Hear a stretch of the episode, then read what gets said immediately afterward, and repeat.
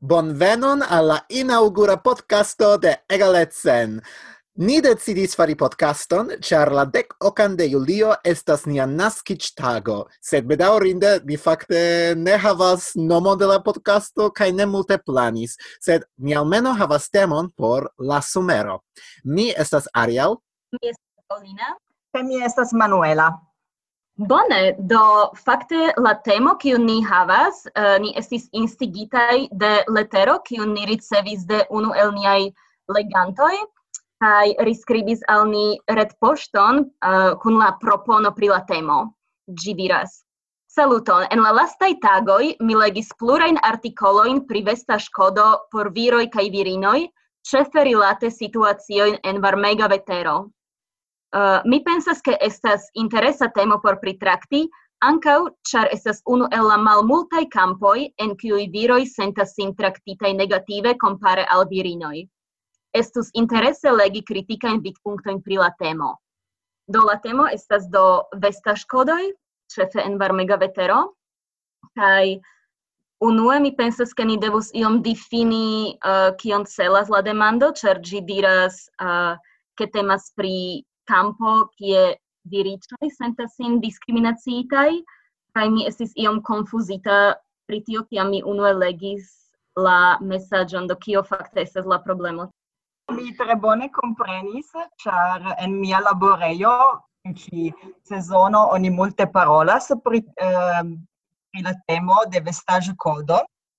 kaj miaj iĉaj kolegoj tre ofte plendas che ehm, la vestage vestage codo de de la firmao estas discriminazia por uh, viroi char uh, ili devas porti longan pantalonon e cen varmega vetero dum uh, inoi povas havi iun robon kun uh, mallonga jupo uh, do ili plei bone eltenas la la varmegon uh, en la officeio tu eble vi ankaŭ havis eh, tiajn spertojn aŭ nur mi? Mm -hmm. Do, fakte mi pensas ke mi jus pensis ke estas iu alia um, afero por mi eh, en Britio, char mia lando Britio, la vestage codo ne nur temas pri la laboreo, sed anco pri la lerneioi, char oni havas tiun uniformon en la lerneioi,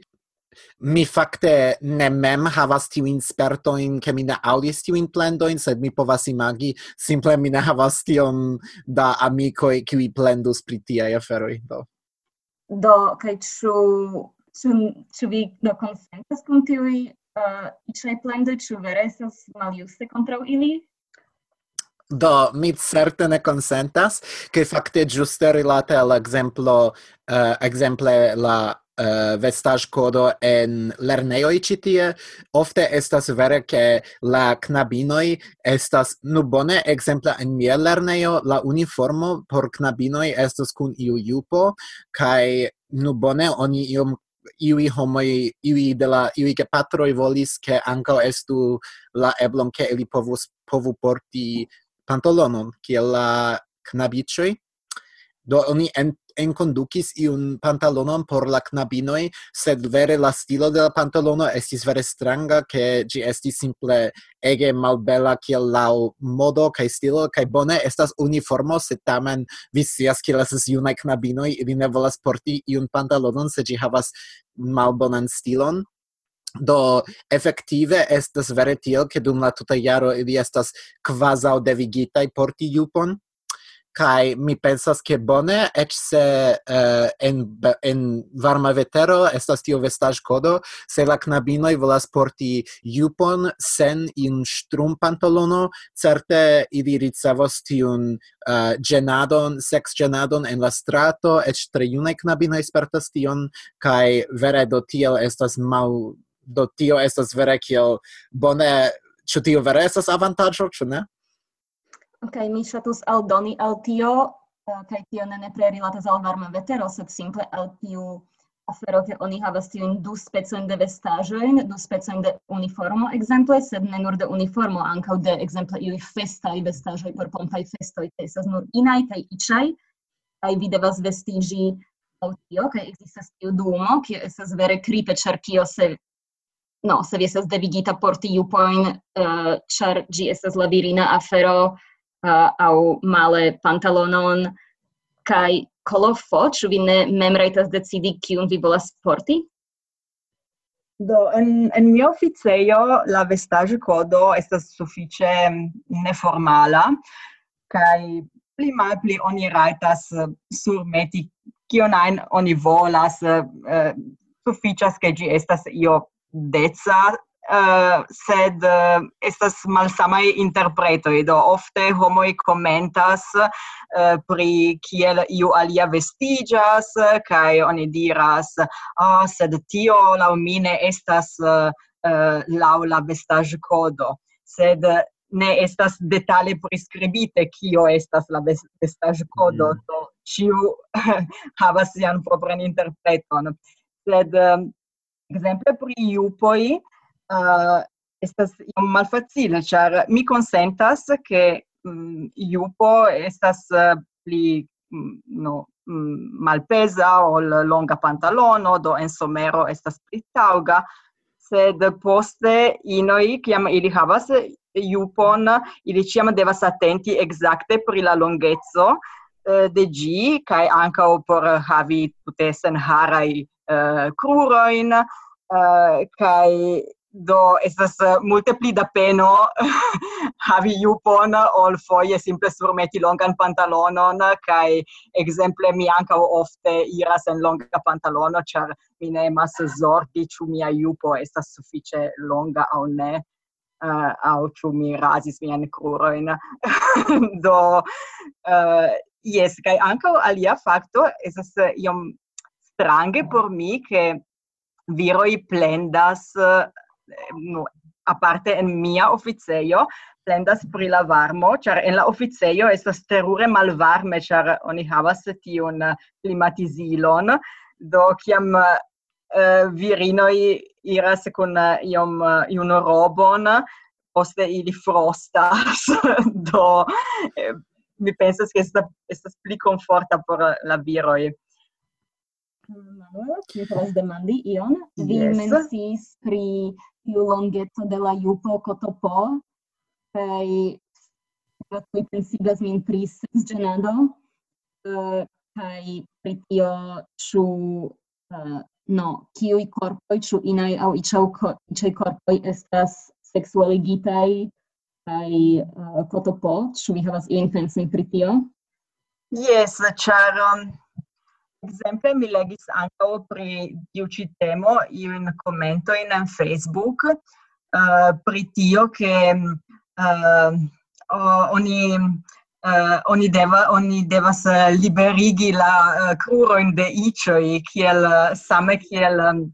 estis ankaŭ tiu temo uh, pri liberigi la cicojn de inoi uh, sed tio estas uh, stulta comparo por mi, char curoi de eh, uh, icioi nestas sexualigitai, kai oni mo, oni raitas montri ilin en aliai um, ehm, contextoi en aliai situazioi do se vi iras sur strate con mallonga pantalono uh, estas tute normale dum uh, se vi iras uh, kun nudai mamoi vi ofte Mm, ec povas esti arrestita. Uh, eh, no, kai uh, do al mi tiu ci commentoi shainas iom eh, uh, pretextoi por, por plendi pri io. Mm -hmm. Mm. Do mi fakte havas du commentoin. La unua rilatas al kion vi diris pri tiuj vestaĵkodoj, ke li ofte estas tre clarai ke fakte kiam do en Britio estas tiu lernejo kiu nomiĝas Six Form, kiu estas du jaroj antaŭ ol la universitato, do inter la jaroj de dek ses kaj dek ok. Kaj por tio uh, periodo mi iris al iu lernejo, kiu estis iom stranga, do gis la six form, gi estas nur knabicoj, sed en la tiui du jaroj estis am, do ciui estas malfermal ciui, kai estis iu uni do kutime en Britio estas tiu uniformo gis tiu six form kaj tiam oni rajtas vesta vestigi kiel vi volas sed en mia lernejo estis iom strange ke ne estis uniformo tiam sed tamen estas tiu vestaj kodo kaj por mi mi ekzemple devis porti kompleton kaj bone por la knabinoj estis malclare kai estis iu uh, partnera lernejo kiu estis simila ke ci estis nur por knabinoj gis tiu sixth form. Mi mi memoras ke iu diris ke en tiu knabina lernejo oni havis la regulon por la sixth form ke um, bone gi vi rajtas porti kiam vi volas quancam gi ne estu travidebla, supervidebla au subvidebla. Do tio signifas che vi ne devus povi, povi vidi enen de la supro malsupro, au ci vi comprenas tion? Uh -huh. Yes.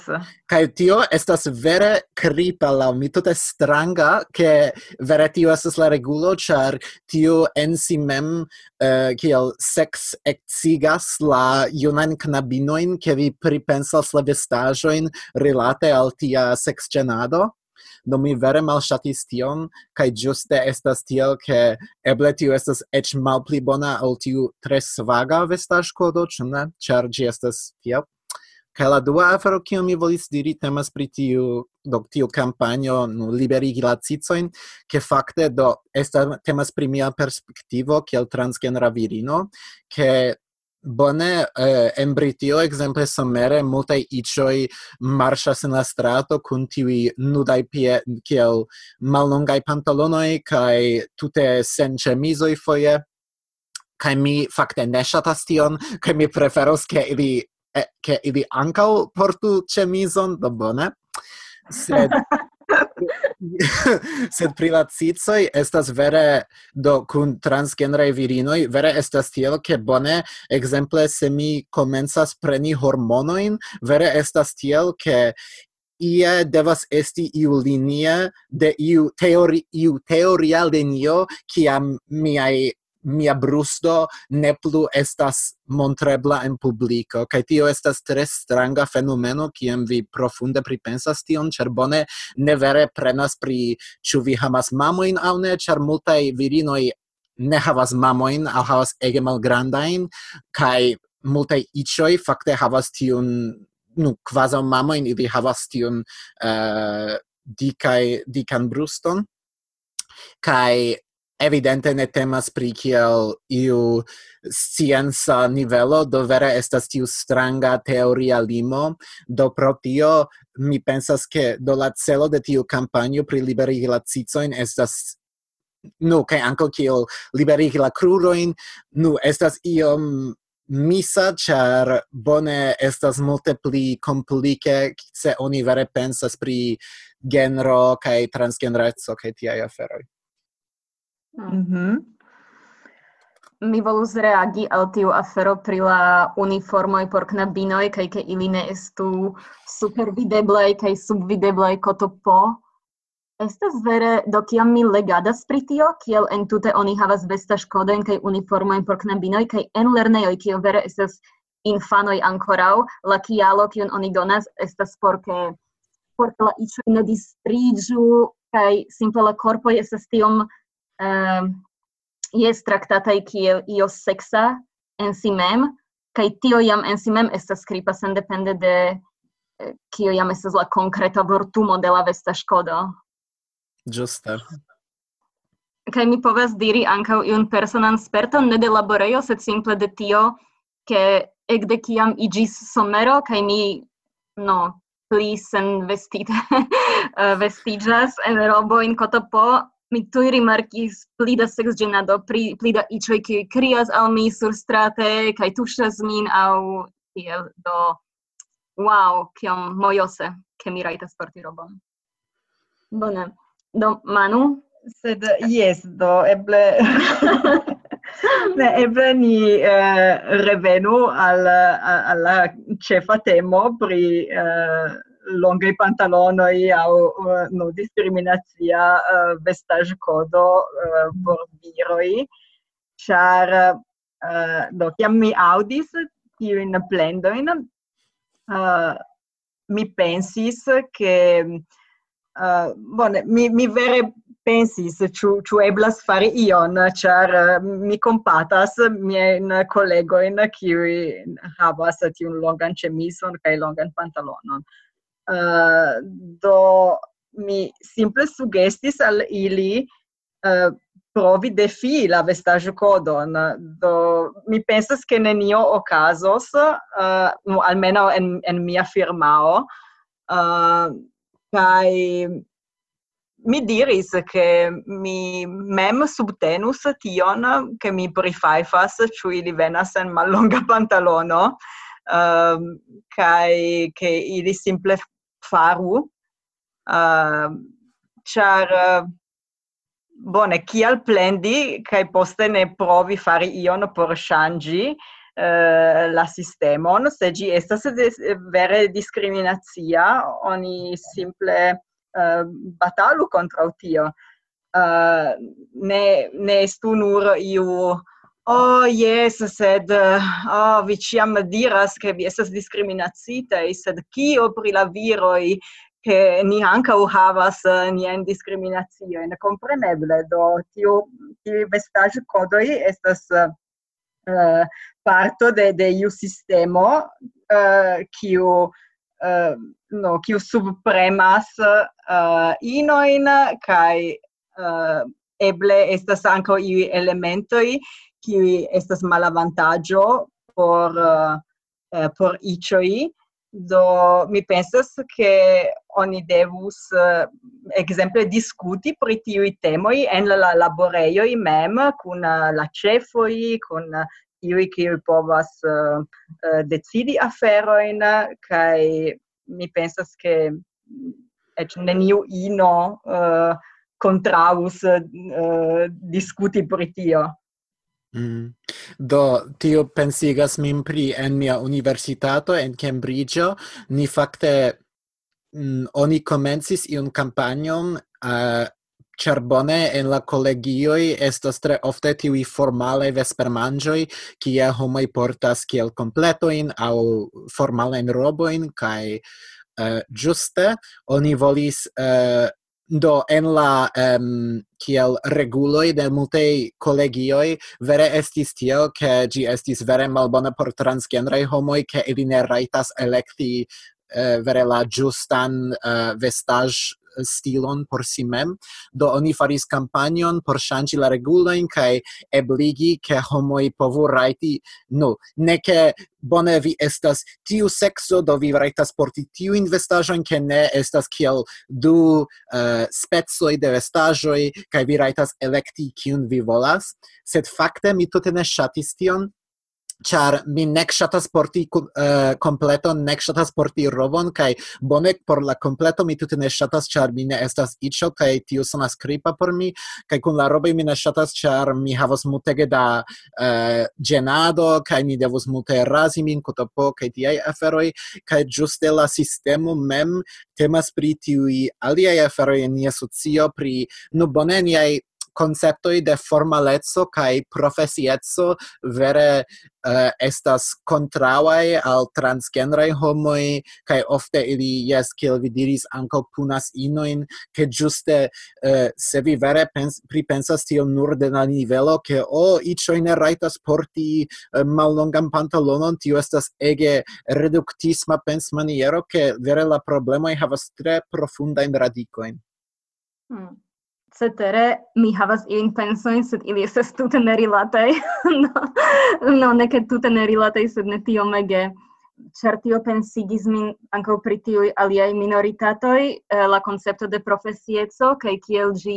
ekskludigas nigrulojn, kaj ĉu vi vidis tiun aferon, pri kiam vi googlas malprofesia harstilo, kaj ĉiuj fotoj kiuj venas en la serĉo eh, estas de nigrulinoj kun tute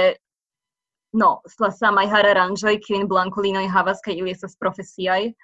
Uh, kaj ankaŭ alia afero estis pri tiuj mm, formalaj vestaĵoj, kaj pri tio um, ke kvazaŭ bone iĉo ĉiam rajtas porti la saman kostumon, sed ino ĉiam devas kiel aĉeti novan robon, do tio ne estas iu skribita regulo, sed ne skribita, kaj, uh, kaj tio estas ege costa Mm. Do estas tiu klasa perspektivo kvazaŭ. Kaj vi scias, mi, ĉu mi, mi, mi, mi ankaŭ ĵus elpensis iun alian ligi, ligon pri tio, ke mi fakte, do bone, mi pensas, ke ankaŭ la uh, komenca demando estis sufiĉe okcidentcentrisma kaj eŭropcentrisma, ke bone en multaj landoj kiel arabaj landoj estas tute malsame kun la vestaĵoj, ke kun la vualoj, kutopo, kaj ankaŭ mi lasta tempe mi vidis iun fadenon de iu islamanino en uh, Twitter kiu plendas pri tio ke la en la occidento la homoj qui product fabrica eh, uh, productas vestajoin por islamaninoi do tiui uh, eh, vualoi kai tiui roboi ili, ili la productoi estas ege alt costai et kiam la eh, materialoi estas sufiĉe malmultkostaj kaj ofte la kvalito de la robo eĉ ne estas tiel alta, sed simple oni scias ke estas tiu bezono en la okcidento por la islamaninoj kiuj loĝas en okcidentaj landoj kaj tamen ili ne havas bonajn aliajn eblojn, do ili estas devigataj pa pagi tiujn altajn kostojn por tiuj mal malbon kvalitaj vestaĵoj. Wow. Yes, ne sciis pri tio mi pensis che exemple islamanino e accetas acetas eh, vestajo in de sia de venlando Kaj la islamanino che vi naskiĝis en occidento Jes, giusto Mi nur nun ekkonsiis che che tio estas problema vere mi havas alian punkton eble ke bone nun tempe eh, pli oftigas tiuj laborejoj kie ne estas tre striktaj vestaj kodoj kaj mi fakte specife pensas pri tiuj teknikaj firmaoj kiel en Silicon Valley en Usono. Se ĝuste la problemo tie estas ke ofte estas vere kiel naŭdek el cento de la laborantoj estas iĉoj do uh, estas iom alia problemo pri tio ankaŭ. Fakte, eble mi povas kondividi mian sperton de mia lasta laborejo, kiu estis en feminisma uh, neregistara organizo, kiel laboris nur inoj, kaj estis neniu vesta ŝkodo, kaj simple kaj kelkaj ŝatis vestiĝi bele, kelkaj portis la saman uh, tute malnovegan sveteron ĉiutage, kai mi ankaŭ tute ne devis zorgi pri kion mi portas kaj kelkaj el tiuj aferoj kiujn ekzemple Manuela rakontis ke oni devas zorgi pri longeco de la jupo kaj ĉu havas razitajn krurojn estas tute novaj kaj neimageblaj por mi kaj mi esperas ke mia sekva laboro ne spertigos al mi tion ĉar no kompreneble mi ĉiam iras iel ajn mm.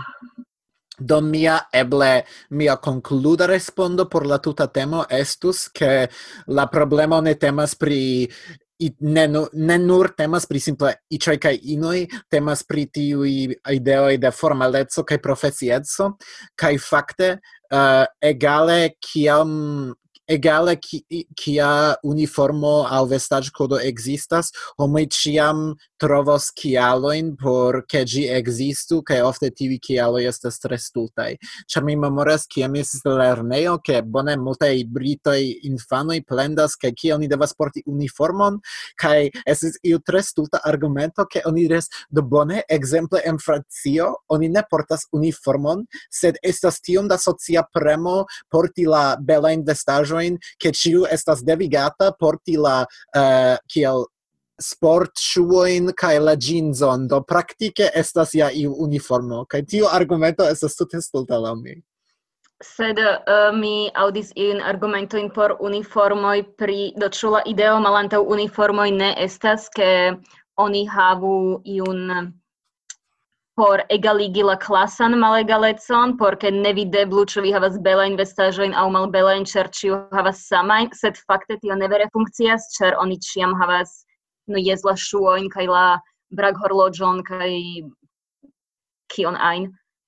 Do mi credas che anche giuste pritio, do mi ne sias pritio, sed mi pensas che unu sono, chiam do post la, eh, nu, ne la estis complica la situazio sed post la forigo de sclavezzo dum longa tempo se nigruloi volis labori en multaj lokoj vere oni diris ke o sed eh, estas tiel amuse ke ili portas completo in quasau ili estus samai kiel ni che oni vere mocis tion che aspectas ridinde do mi pensas che giuste tiu problem tiu afero praktike ja ne funkcias ĉar ĉiam oni iel trovos tiujn aliajn indikilojn kiel vi diris mhm mm -hmm. mi pensas ke estas interesa kaj ke necesas diskutadi pri vestaĵoj rilate al genro kaj Yes. Okay, mi ĵus volis diri ke ke se iĉaj plendoj helpas starti la diskuton do bone. Sed pardon ĉu Fin fine, ili utilas mi, mi, mi ankaŭ volis diri, ke ni vere nur scrapis la unuan tavolon de ĉi tiu temo, char bone oni povas ankaŭ paroli pri ekzemple dikeco, ke bone eĉ kiam ekzistas di dikaj homoi estas ĉiam punatai pli severe che ili portas iun mallongan jupon al io che praktike applicas malsame reguloi en tiuj casoi? Do. Mm, giusto Do, shaine ni alvenis al la uh, fino de nia unua podcasto. Yay! kai ni esperas che vi shatis eh, tiun eh, novan formaton kai uh, eble vi anca povas uh, sendi al ni iun commentoin uh, kai dire kion vi pensas pri la temo au se vi havas eh, uh, iun eh, alian demandoin, kiun uh, vi shatas, uh, vi shatus, uh, pri kiui vi shatus ausculti dum sequei podcastoi, anca vos sempre scribu al ni. Ecne devas esti viai proprai uh, eh, pensoi, eble vi volas che ni parolo pri iu articolo au iu specifa temo pri kiu vi ne multe scias, ni estas bonven ni bonvenigas ciuin ideoin kai instigoin al discutado. Do gis revido. Do gis. gis. Gis reaudo. okay.